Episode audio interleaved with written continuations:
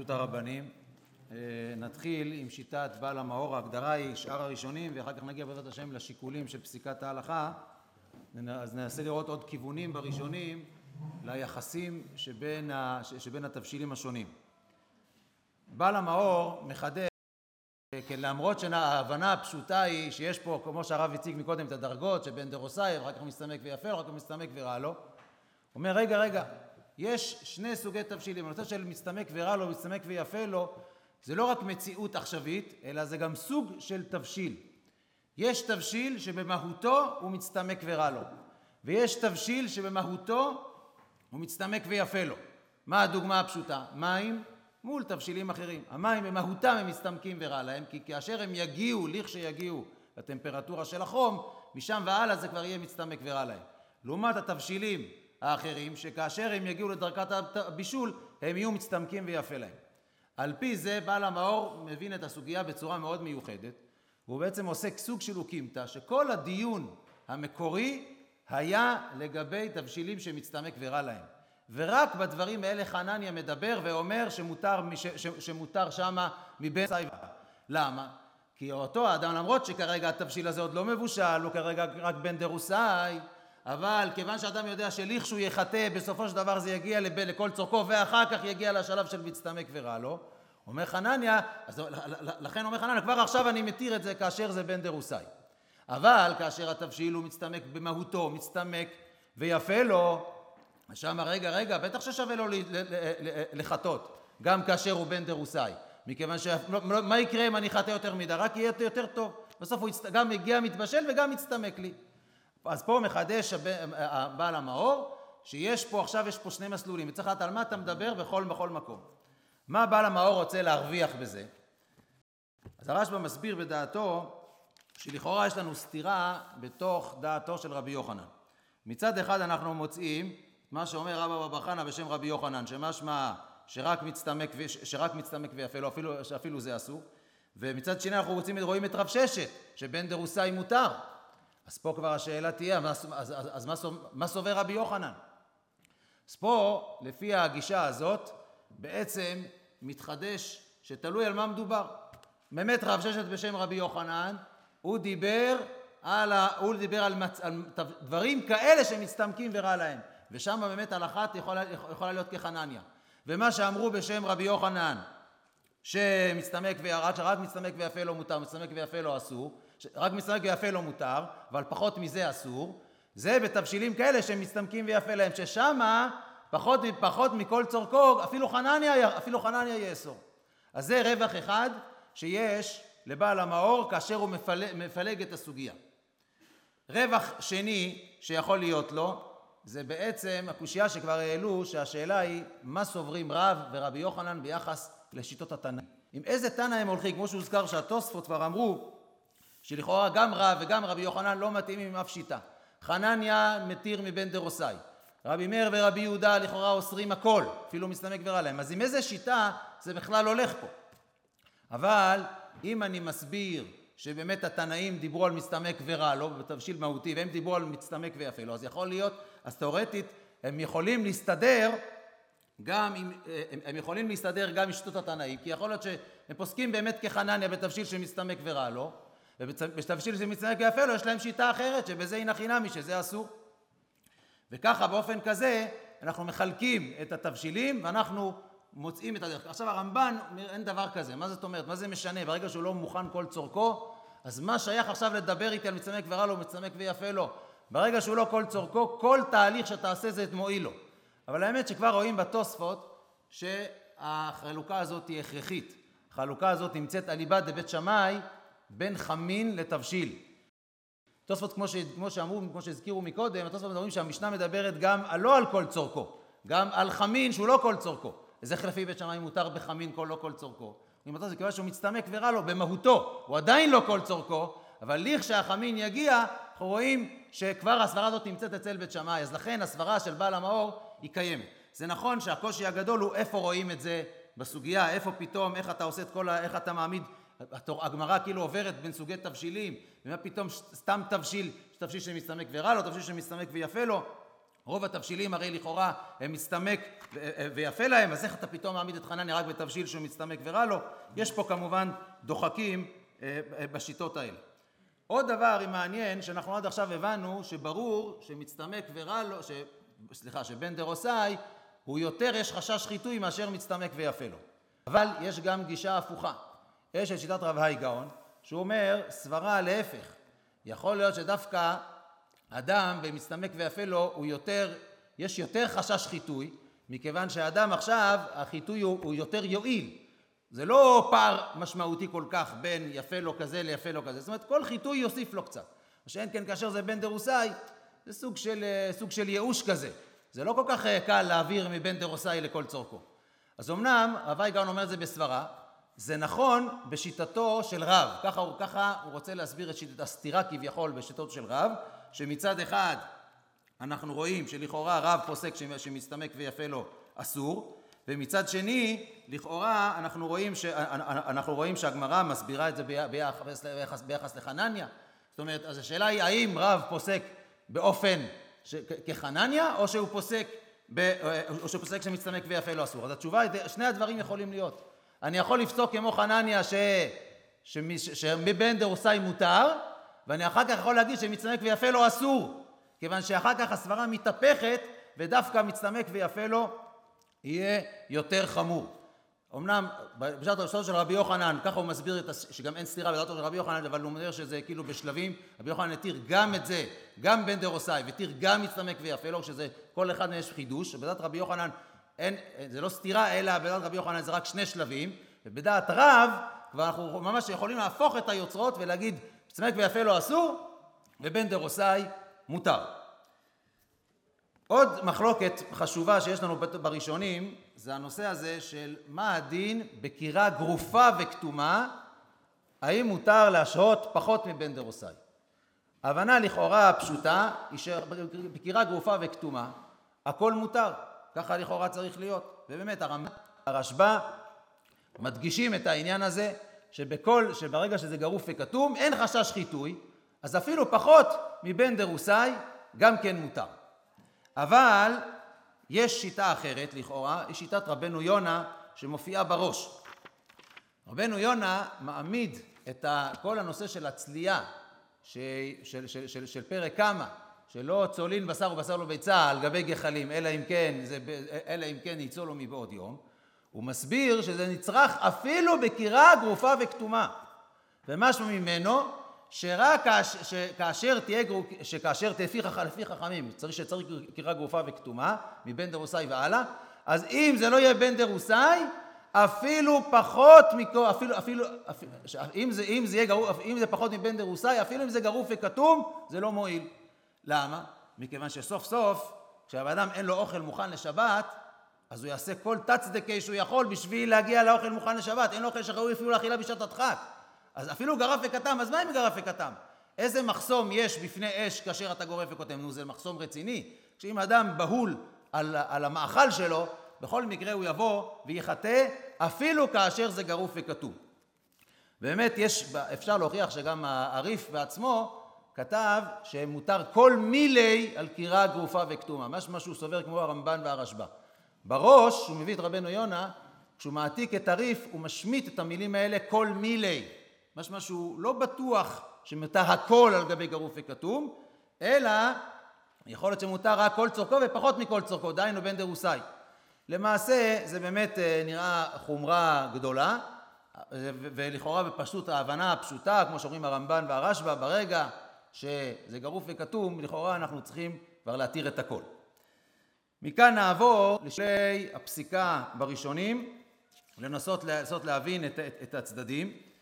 ונסכם קודם כל בקיצור נמרץ את השיקולים ואחר כך בעזרת השם נעבור עליהם. אז ובכן, השיקול לפסוק כחכמים, טוען הריף, זה קודם כל הסתמא דגמרא, שמשמע ש... איפה שריף מסביר את האיבאי עליהו, משמע שהסתמא דגמרא הולך אחר כך עם הגישה הזאת שההלכה כחכמים ולא כחנניה.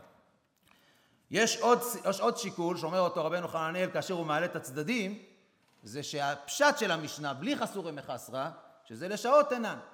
אתה מוסיף לי מילים, מחסר, מוסיף, זה לא פשט משנה. פשט משנה יותר זורמת, שנותנים הכוונה לשהות. ומשמע שבכל מקרה תמיד צריך גריפה וקטימה. ושיקול נוסף שמביא, ש, שהשנה, ש, ש, לפסוק להחמיר זה מה שרב ושמואל פוסקים ומה שרבי יוחנן פוסק, זאת אומרת שאנחנו לא מתירים, אנחנו לא מתירים בן דרוסאי, אנחנו אפילו, אלא, אלא תאורטית אתה רואה, ש, אתה, אתה רואה שכל האמוראים בסוף אוסרים, לפח, כל הוויכוח על מצטמק ויפה לו, מצטמק ורע לו, אבל ברור שמתחת למצט... ברור שמתחת לבן דר... מתחת לכל צורכו, ודאי שצריך לאסור. אז אם כן, זה, ה... זה השיקולים בקיצור לפסוק כמו שיטת חכמים. שיקולים בקיצור לפסוק כשיטת חנניה הם שיש לנו את רב ששת בשם רבי יוחנן. רבי יוחנן הוא גדול האמוראים, אפילו מול רב ושמואל הלכה כרבי יוחנן. יש לנו את רב ששת שאומר בשם רבי יוחנן, ש... ש... ש... ש... ש... שאנחנו אומרים שמותר, שברגע שזה בן דרוסאי כבר מותר לשעות. ורבא, שהוא מרבא, מאביי ורבא כבר הלכה כבתראי, רבא מסייע לשיטתו, לשיטתו של, של לכאורה, לשיטתו של רב ששת בשם רבי יוחנן, אז ממילא ודאי שככה צריך לפסוק את ההלכה. בעל המאור לוקח את האמירה הזאת של, של רב ששת ורבא כטענה מאוד מאוד מרכזית שאי אפשר בכלל, שלדעתו אי אפשר בכלל להתווכח איתה. עכשיו נראה בצורה יותר מדוקדקת איך בכל טענה וטענה, איך מפרשים והאם לכאן או לכאן. אז קודם כל באמת מה שהריף אומר שהסתמא דגמרא שהאיבעיה להו הולך דווקא עם שיטת חכמים אז כבר התוספות מעירים שהשאלה אפשר להסביר אותה בשני כיוונים וגם בעל המאור טוען, זה בכלל לא ראייה, אתה יכול להסביר את זה גם בשהייה, אתה יכול להסביר את זה גם בהחזרה. זה שהגמרא שואלת על שמיכה, האם שמיכה מותר או אסור, שמשמע שרק שמיכה מותר ועל גבה, גבה אסור, לא חייבים להסביר את זה דווקא בשהייה. אני יכול להסביר את זה גם כן בהחזרה. אמנם פה בא רבנו יונה, שמובא בראש, ואומר זה לא מדויק. אתה לא יכול ללמוד משהייה להחזרה. אם באמת הגמרא פוסקת שכל הדיון הוא רק בהחזרה, ואתה מביא לי דינים מתוך שהייה, הרי חזרה חמורה יותר משהייה. שהרי בחזרה תוכה אסור, רק על גבה מותר, בחזרה זה בתוך שבת, זה הרבה יותר חששות. אתה לא יכול, מזה שמצאנו כולה בשהייה, ששמיכה בשהייה מותר, ללמוד מזה גם להחזרה. אבל גם על זה התשובה תהיה שהנה חינם, הגמרא לא שאלה על כיוון מסוים. אלא הגמרא שאלה באופן סתמי, באופן כללי. כלומר, הגמרא שאלה על, שני, על כל צד שתאמר. אם תאמר ככה, אז אני שואל אותך ככה. אם, אם תאמר ככה, אני שואל אותך ככה. כלומר, אני שואל אותך בין על, חז... בין על שהייה ובין על חזרה. לא, אני לא נכנסת להכרעת המחלוקת, ככה אומרת הגמרא, האם זה כחנן או כחכמים. אני שואלת עכשיו באופן סתמי לכל הדעות, מה איך שלא יהיה. אז אם כן, אין בזה הכרעה, כי אני יכול להסביר את הראייה. אם תגיד שהראייה תופסת רק לשהייה, אוקיי, שאלנו לפי... אז, אז, אז התשובה תהיה רק למאן דאמר שהייה. עדיין השאלה תישאל למאן דאמר ש, ש, ש, ש, שהדיון הוא בהחזרה. כך שגם הטענה הזאת של הסתמא דגמרא הוא באמת לא חזק, גם הרמב"ן שתמיד מאוד מאוד מצדיק את הריף, אז הוא אומר הריף לא התכוון להגיד שזה עיקר הראייה שלו, הריף נוקט מה שבא לידו, כאילו לפי הסדר. באמת זו ראייה יחסית חלשה, זאת לא, זאת, זאת, אה, אה, זאת לא הראייה החזקה. עיקר הטענה, כמו שאמרנו, זה בעצם הוויכוח, הראיות מתוך האמוראים, האם באמת אפשר להוכיח מתוך האמוראים לכאן או לכאן. אז ובכן, הריף, הריף בעצם משתמש בשיטתם של, בדברים האלה של מה שאומר רבי הושעיה, שהגמרא ממשמע ממנה שדווקא בגלל שהוא קטע מותר, והוא משתמש בשיטות של רבא בר בר חנא בשם רבי יוחנן, גם כן, שמשמע שרק בגלל שכתמה מותר. ואחר כך, בסוף הסוגיה, יש לנו את, את, את רב ושמואל, שאומר שמצטמק ויפה לא אסור. זאת אומרת, אנחנו רואים שכמעט כל, ה, כל האמוראים הולכים בכיוון הזה של האיסור. ופה הוויכוח של הצד השני הוא בעצם מי בתוך האמוראים, או איך להסביר בתוך שיטת האמוראים איך אנחנו, אה, איך, מה, נגדיר, מי, מי, מי מביניהם הוא המכריע, או איך צריך לפרש את היחסיות שבין גדולי האמוראים כאן כדי להגיע אל המסקנה. אז עיקר, אני, עיקר הוויכוח נמצא לגבי איך להבין את היחס, מה שאמרנו עכשיו רב ששת ורבי יוחנן ורבא, מול שאר האמוראים. הרמב"ם טוען, אתה לא יכול להביא לי ראייה מרב ששת. רב, יש פה מחלוקת בדעת רבי יוחנן, המוראי בדעת רבי יוחנן, כי לכאורה רב, רב ששת, בדעת, כמו שזה כבר רש"י כותב, ששת בדעת רבי יוחנן מקל, שאר המוראים בדעת רבי יוחנן מחמירים. אומר הרמב"ן, רב ששת הוא לא תלמיד מספיק מובהק של רבי יוחנן, ואתה לא יכול לסמוך על מה שהוא אומר ביחס לשני תלמידים אחרים שהם אומרים דברים מפורשים בשמו, ולכן צריך לסמוך על מה שאמר רבי יהודה בשם שמואל, ועל מה שאמר רב בר חנא בשם רבי, סליחה, רב, רב אה, אמרתי, הרב שמואל בר יהודה בשם רבי יוחנן, ורב בר חנא בשם רבי יוחנן, שני המוראים בדעת רבי יוחנן מול אחד, וגם רב ששת פחות אה, מצוי כתלמיד שלו, רבי יוחנן בכלל היה בארץ ישראל, רב ששת היה בכלל בבבל, אז קש... כנראה שהשמועה שהגיעה בשמו, שהגיעה בשם רבי יוחנן לרב ששת, כנראה שהיא פחות מדויקת, ואתה לא יכול לסמוך על, ה... אתה לא יכול לסמוך על, על הדברים הללו. ומה שאמר רבא, פה זו השאלה הקשה, הרי יש לנו פה את דבריו של רבא, שהוא אומר דברים לכאורה ברורים. עכשיו רבא פה זה כבר, כמו שאמרנו, הלכה כבתראי. מה תעשה עם הטענה שרבא פוסק את ההלכה? אבל פה צריך לדקדק בפשט של המהלך של הגמרא, מה בדיוק אומר רבא, האם באמת רבא הוא מסייע או לא מסייע. עכשיו הריף כבר בעצמו אומר שכיוון שיש סתמא דגמרא, אז לכן אפילו אם רבא מסייע, אנחנו לא, אנחנו לא נדחה אותו. קודם כל זה מעניין שהריף פה מבין שיש מושג כזה של סתמא דגמרא. זאת אומרת, גמרא בלי אמורה. לכאורה הלכה כבתראה, אז מה זה סתמא דגמרא? סתמא דגמרא זה בעצם רבינה ורב אשי, שהם הבתראה דבתראה. כלומר, יש מושג שהוא מעל גדולי האמוראים, וזה הגמרא סתמא דגמרא. זה דבר מאוד מעניין שיש, זה כאילו ההכרעה של כלל ישראל כזה, בלי שמות. מה שעם ישראל מכריע גובר על פני אמורה, חשוב ככל שיהיה, זה דבר שהוא יותר משמעותי ודוחה את רבא ואת רבי יוחנן ואת כולם. כיוון שסתמא דגמרא, חכמי ישראל שמכריעים את ההלכה בסופו של דבר, לפי, כמובן הכל נתבסס על מה שהוא הבין מההתחלה, שיש סתמא דגמרא. לכן הנושא של סתמא דגמרא, מה שאומר הרמב"ן, שכאילו הריף לא עשה מזה עניין גדול, זה לכאורה לא כל כך ברור. בגלל שהסתמא דגמרא זה הכוח היחיד שאני יכול לדחות את רבא ורבי יוחנן. זה לא כל כך פשוט לדחות מוראים כאלה חשובים. אז, אה, אז באמת, באמת יש, לכן יש דחיות אחרות לשאלה הזאת מדברי רבה. כל פנים, הריף ככה אומר שרבא סייע את רבי יוחנן וצריך לדחות את זה בגלל סתמא דגמרא. אבל אפשר גם לפרש אחרת בגמרא, ואז לא בטוח שרבא הוא מסייע. ופה זה תלוי בשאלה איך קוראים את הגמרא. אני אקרא רגע את, את, את הגמרא. אמר רבת רביו תנני, כלומר שני הדברים שאמר אני חושב שזה בשם רבי יוחנן זה שנוי במשניות. לשהות תנינא אין נותנין את הפת בתוך התנור חשרה לא רק בגחלים ושוב פניה בעוד יום הקרמו פניה שערי ולהחזיר נמי תנינא בית אלוהים אף מחזירים.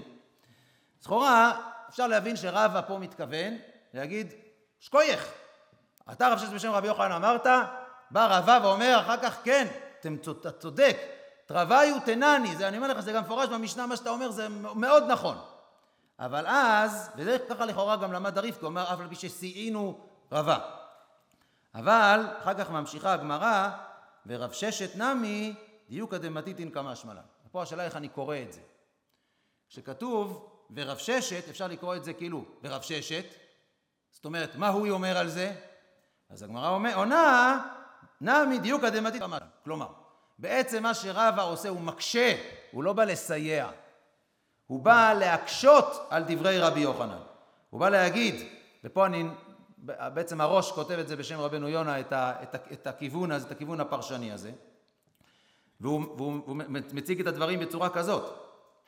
מה אתה אומר לי רבי יוחנן שככה הלכה? הרי לכאורה, הרי לכאורה שניהם זה משנה, לפי הבנתך שניהם זה משנה. ואם אתה בא להגיד לי משנה, אז תגיד לי את המשנה. ואם אתה בא לפסוק, תגיד את זה בצורה יותר מפורשת. אתה כאילו לא אומר את הדברים בצורה ברורה. מה, מה המגמה שלך? זה לא הצורה שבה אתה מביע את הדברים, או הצורה שבה אתה אומר את הדברים, היא לא יכולה להיות נכונה. אם אתה חושב שזה הכיוון משנה, אז תגיד בפירוש, תסביר, יש משנה, וככה צריך, וזאת, וזאת כוונת המשנה שהלכה כחנניה שמותר בבן דרוסאי. ואתה לא אמרת את זה בצורה כזאת. אז מה כוונתך? למה אתה מתנסח בצורה הזאת? אז זה, על זה מתרצת הגמרא, שהנה חינם, באמת מה רב ששת עונה על זה, על, על קושייתו של רבה, שהוא בא להשמיע לך את הדיוק של המשנה. זאת אומרת, כל הניסוח שלו היה בשביל איך להשמיע את מה שיוצא מתוך המשנה. לפי זה רבה לא בא לסייע ולא שום דבר, רבה בא להבין, להבין מה כוונתו המדויקת של רבי יוחנן, או, או, איך, או מה, מה רוצה לומר לנו רבי יוחנן. הוא עצמו, רבה, לא אומר את דעתו, הוא רק מקשה כאילו מבחוץ, מבחוץ לעניין. ברגע שנופל דעתו של רבה, זה כמו שאמרנו, זה דבר מאוד משמעותי. כי אז נשאר, מה שנשאר לנו זה רק הוויכוח בדעתו של רבי יוחנן, שיש לנו, אמר, כמו שאמרנו, שני אמוראים מול אמורא אחד. ואז יותר קל לפסוק, כבר אין לנו פה הלכה כבתראי, אין פה, אין פה, אה, אין פה את העניין של הבתראי. חוץ מזה, שאומר הרמב"ן מוסיף, גם אם נגיד שקרבה, אבל יש לנו הרי עוד בהמשך, יש לנו את, אה, את רב אשי, שאומר לא ידענה אם זה מצטמק ויפה יפה לו, זאת אומרת יש את רב נחמן, מצטמק ויפה לו אסור, מצטמק ורע לא מותר, כלומר יש עוד אמוראים יותר מאוחרים, ולכן גם אם תגיד שרבה הוא סובר אה, באופן מסוים, יש לך אמוראים נוספים שאומרים אחרת. הראיה הנוספת אבל היא שבעצם זה, זה לא רק דברי רב ששת בעצמם, אלא המשנה בעצמה. אומר בעל המאור, פה צריך להבין את, ה, את הפסיקה. אתה אומר לי, יש הרי סתם משנה בפרק כמה, שאנחנו אומרים שזה כחנניה, כמו שהגמרא בפירוש אמרה שמאני חנניה היא. אז אם כן, אז עכשיו, שאת, אז, אז עכשיו שיש סתם משנה, זה שיקול מאוד מאוד מרכזי לפסוק כמו חנניה. ואומר, שואל הרזה את הריף, אתה בעצמך הריף הרי פוסק כמו המשנה הזאת, כמו המשנה הזאת של פרק כמה. אז איך אתה פתאום פה פוסק אחרת? זה שיש לך, יש סתירה בתוך, בתוך הפסיקה. אז כמו שכבר הוזכר מקודם, אכן, פה צריך לחלק, וכל הראשונים מחלקים בזה, בין צלייה לבין שהייה. צלייה כאשר האוכל חשוף, שמה החיטוי משפיע בצורה הרבה יותר אה, קשה, או הרבה יותר, אה, כבר משפיע בצורה אחרת. שם השיקולים הם אחרים. כבר בן אדם שיש לו כבר מאכל בן דרוסאי, עושה חשבון האם אני יכול באופן כזה לחטות, האם כדאי לי, האם משתלם לי לחטות באופן כזה, כאשר אה, יכול להיות שכתוצאה מהחיטוי של הצלייה ייגרם לי נזק, כיוון שהאוכל מאוד קרוב לאש, כל חיטוי יש לו השלכות מאוד מאוד משמעותיות, אז אה, עצור, הוא כבר לא, הוא, הוא, הוא, הוא ייזהר יותר. מה שאין כן בקדרה, כולנו יודעים שכאשר אתה מתעסק עם קדרה, זה לא עובד כל כך מהר. אז שם ברור שהאדם, האינטרס שלו לחטות הוא הרבה יותר, הוא הרבה, הוא הרבה יותר גדול. כתוצאה, אז, אז, ולכן הריף בעצמו מעתיק את שני הדינים. הקושי הגדול הוא שזה חידוש שהוא מחוץ לגמרא. קודם כל הגמרא בעצמה הביאה לכאורה את הראייה הזאת משם, אבל, וגם, הראייה, וגם הגמרא בפרק כמה אמרה בפירוש מאני חנניה היא, ומצד שני אומר חילוק אחר. אבל כמו שכבר הרב הזכיר מקודם, יש פה רמז בגמרא שהראייה הזאת שכבר כאילו שזה רמוז בתוך המהלך של הגמרא שצריך לחלק. כי עובדה שהגמרא לא נפלה מהכיסא מהראייה הזאת. רב ששת מביא את הקבר, הרב אומר תרווה יותנני, אז מה, מה אנחנו בכלל התפלפלנו לפני כן וזה וכולי, יש תרווה, הנה יש משנה מפורשת. ברור היה כנראה מאחורי הקלעים של הגמרא שיש חילוק, והחילוק הזה הוא מסתבר, אפילו שהוא לא נאמר בפירוש, אבל צריך לומר אותו בסברה פשוטה, יש חילוק בין צלייה לבין שהייה. אז אם כן, אנחנו אה, למעשה רואים שהראיות הן לא מכריעות לכאן ולכאן, ואני רק אולי אדגיש עוד מה שאמרנו מקודם בשם בעל המאור, שהרמב"ן, שהרמב"ן אומר, אני לא מבין בכלל איך, איך, איך בכלל אפשר להתווכח, יש לך את כל האמוראים בסוף הסוגיה שמחמירים, איך אתה בכלל מעז להתווכח? אבל התשובה של, התשובה של, של בעל המאור הוא שכמו שאמרנו מקודם, שהוא בכלל מסביר שכל הנושא של המצטמק ויפה לו הוא לא רלוונטי לפסיקה כחנניה או לא כחנניה. הקושייה של הרמב"ן נכונה רק על התוספות ורש"י, שהם בפירוש הלכו על רב ששת בשם רבי יוחנן. מה הם יגידו על השאלה הזאת עם כל המוראים בסוף? בסדר. יש רבי יוחנן, עמוד גדול, לסמוך עליו, ואני חושב שמה שבעיקר הכריע את ההלכה באמת, זה היה המנהג. בפועל הם מתארים את זה כמנהג מעשי להשהות, אה, אה, להשהות בן דרוסאי, וזה כנראה מנהג שהתפשט עוד אולי גם ימי הגאונים, גם רב הייגאון הקל בזה. וכאשר יש מנהג, אז רק צריך לחפש איפה זה כתוב, רק איפה, איפה, איפה, על מה אנחנו נתלים עם המנהג. וזה מספיק, רש"י אומר את זה בפירוש, ענן דמשהנן גדרה על גבי קירה שנה גופה. ותוספות לא אומרים את זה בפירוש, אבל על כל פנים, אה, על כל פנים רש"י מתאר מנהג ברור, וזה ככה נשמע שהמציאות הרבה פעמים היא מכריעה את ההלכה. פוק חזי מאי עמד דבר, וכל דבר שיש לך ויכוחים, אתה רואה העולם נוהג בצורה חד משמעית, אז אתה יכול להכריע. הראש, באמת זה קצת, הניסוח שלו הוא קצת אה, מעניין וככה, אני חושב שכל מי שקורא אותו זה מעורר בו חיוך, וזה יפה, שעם ישראל, הסתכלות חיובית תמיד על המנהגים של עם ישראל. אז כמו, ש, כמו שאומר הרב, אומר, אומר הראש, ובשביל שרבו הדעות באפיסקה וישראל הדוקין במצוות עונג שבת, ולא ישמעו להחמיר, הנח להם כמנהג שנהגו על פי הפוסקים כחנניה. זה מעניין שהראש לא רואה את המנהג ככה כדבר אה, כל כך אה, פשוט להכריע בו. זאת אומרת, נכון, יש מנהג, אבל תשמע, אם יש שיקולים אה, אחרים, צריך לשנות את המנהג. זו שאלה כללית בפסיקת ההלכה, כמה לתת משקל למנהג וכמה להתווכח עם המנהג. ומהראש משמע שזה כזה פושר, הנח להם. הנח להם זה אומר שאם עכשיו אני בעל נפש, אז אולי אני צריך להחמיר. באמת ככה פוסק הביאור הלכה. זה לא כל כך פשוט להקל אם זה רק הנח להם. אם אני אומר, לא, המנהג הוא המכריע, אז יש הכרעה. מה, כל פעם שסנהדרין מכריעים משהו, אז עכשיו אנחנו נחשוש לכל השיטות, נתחיל את הכל, נפתח את הכל מחדש, יש דעות, לא. כשיש הכרעה, נגיד בין דעות התנאים, אז אף אחד עכשיו לא אומר לך, אל תאכל אורז, כי יש רבי יוחנן בן נורי שאוכזר לאכול אורז זה פסח. לא אומרים דבר כזה, מצד עיקר הדין פסקנו הלכה כשיטה מסוימת, הסנהדרין פסקו, חכמי הגמרא פסקו, נגמר, לא חוששים יותר, אין שום בעל נפש. השאלה האם מנהג יש לו כוח של סנהדרין, יש לו כוח של הכרעה מוחלטת, או לא. השיקולי הפסיקה הם העיקריים, ואותה על פיהם, וכאשר שיקולי הפסיקה מתאים יותר לא כמו המנהג, אז בעל נפש צריך לחשוש ולהחמיר ולומר לא כמו המנהג. אז אם כן, זה, זה, זה הגישות בראשונים, וכמובן שההכרעה פה היא קשה. אף על פי כן, בבית הספר גם כמובן מביא, מביא הרבה דעות ומביא עוד הרבה, עוד הרבה דעות דווקא גם שמקילות. כל, בעיקרון כל חכמי אשכנז הקלו, כמו שגם נראה שככה גם ככה היה המנהג אצלהם. יכול להיות שהמנהג אצל הריף לא היה כזה, אחרת הריף היה צריך להדגיש שיש מנהג ושלא הולכים איתו או משהו כזה. לא, לא, הריף לא הזכיר שיש פה מנהגים אחרים. ולכן, ובעצם נוצר פה, הייתי אומר גם כן, כביכול, מישור כזה של חכמי ספרד מול חכמי אשכנז. ובשולחן ערוך הוא מביא בסתם את הדעה של הריף והרמב"ם, כמו שאנחנו תמיד יודעים שההלכה כריף ורמב"ם, בית הספר הולך איתם, ולעומת זאת, אבל מביא בתר יש אומרים גם את הדעה השנייה, את הדעה שפוסקת כמו חנניה. אבל הרמ"א כבר כותב שלמעשה המנהג הוא כמו חנניה. המשמעות המעשית היא, לשיטת הרמ"א, שמי שבמקרה שיש, אנחנו דיברנו למשל על מצב של שלג, אין חשמל, אין לו פלטה וגם אין לו בלך. הבלך זה הכיסוי מתכת. לא כולם מחזיקים בבית שלהם היום לחים. אז מה הוא עושה? עכשיו אני יום שישי, אני לא יודע מה לעשות.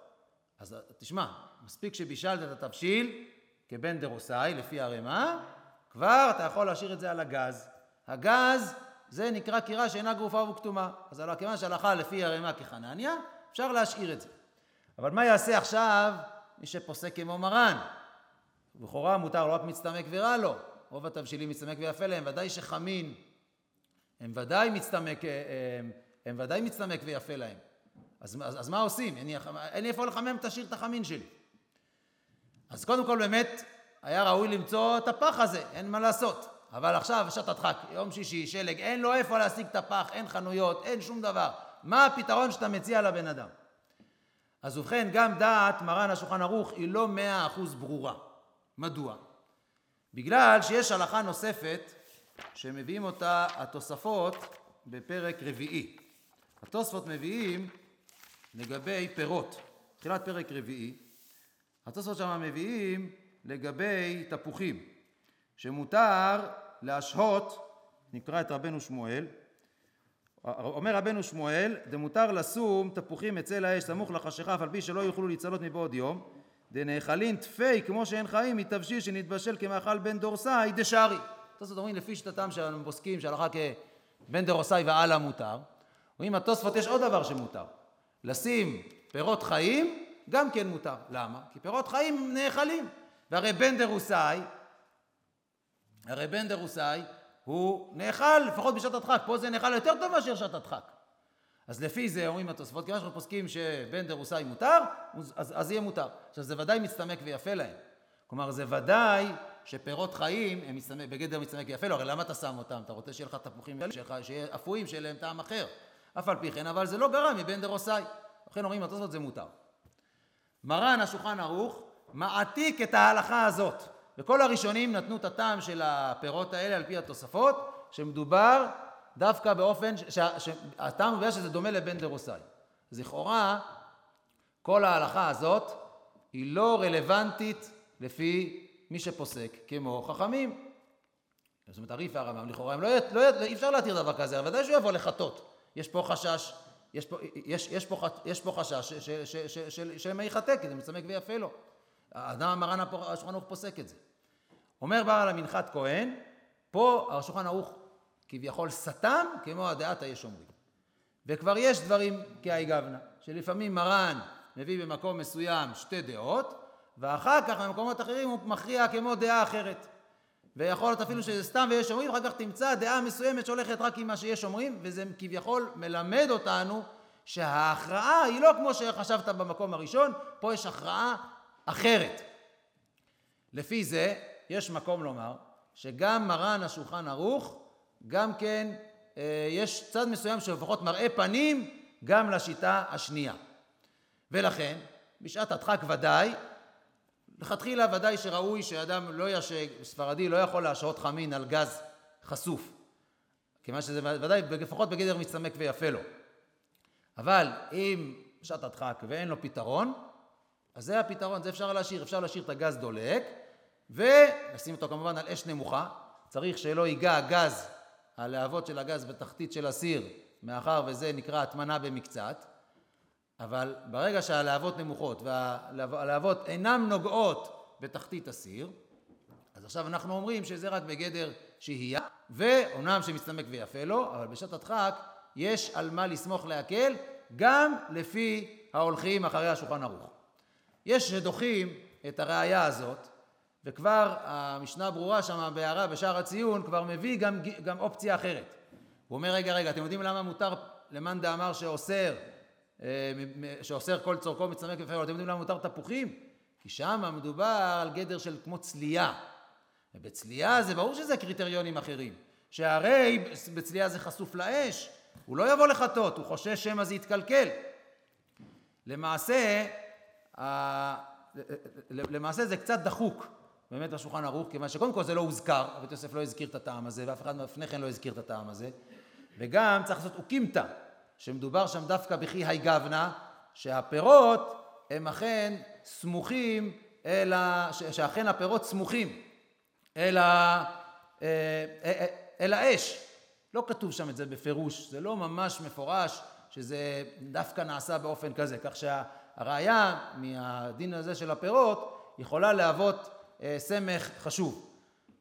ושוב, כשיש גם שעת הדחק, בכל זאת סברת היש אומרים יש לה משקל והיא משמעותית, וגם יש פה שאלה באמת האם, האם, האם, האם מה באמת היה המנהג בהקשר הזה, כנראה, ש, כנראה שלא היו מקילים בזה, אבל זה לא, לא בטוח שזה, שזה, כל כך, אה, שזה כל כך חד משמעי.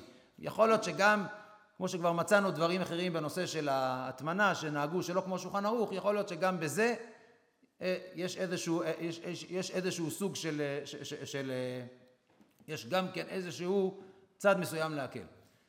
היום כמובן אנחנו, כשאדם שיש לו את כל האמצעים הפשוטים, יש לנו את הפלטה, אז אנחנו כמובן נמצאים במצב הרבה יותר פשוט, כי שמה זה לא רק, שזה לא, זה לא רק גרוף וכתום, זה אפילו אין אפשרות בעולם לחטות. איפה הנפקא מינה תהיה?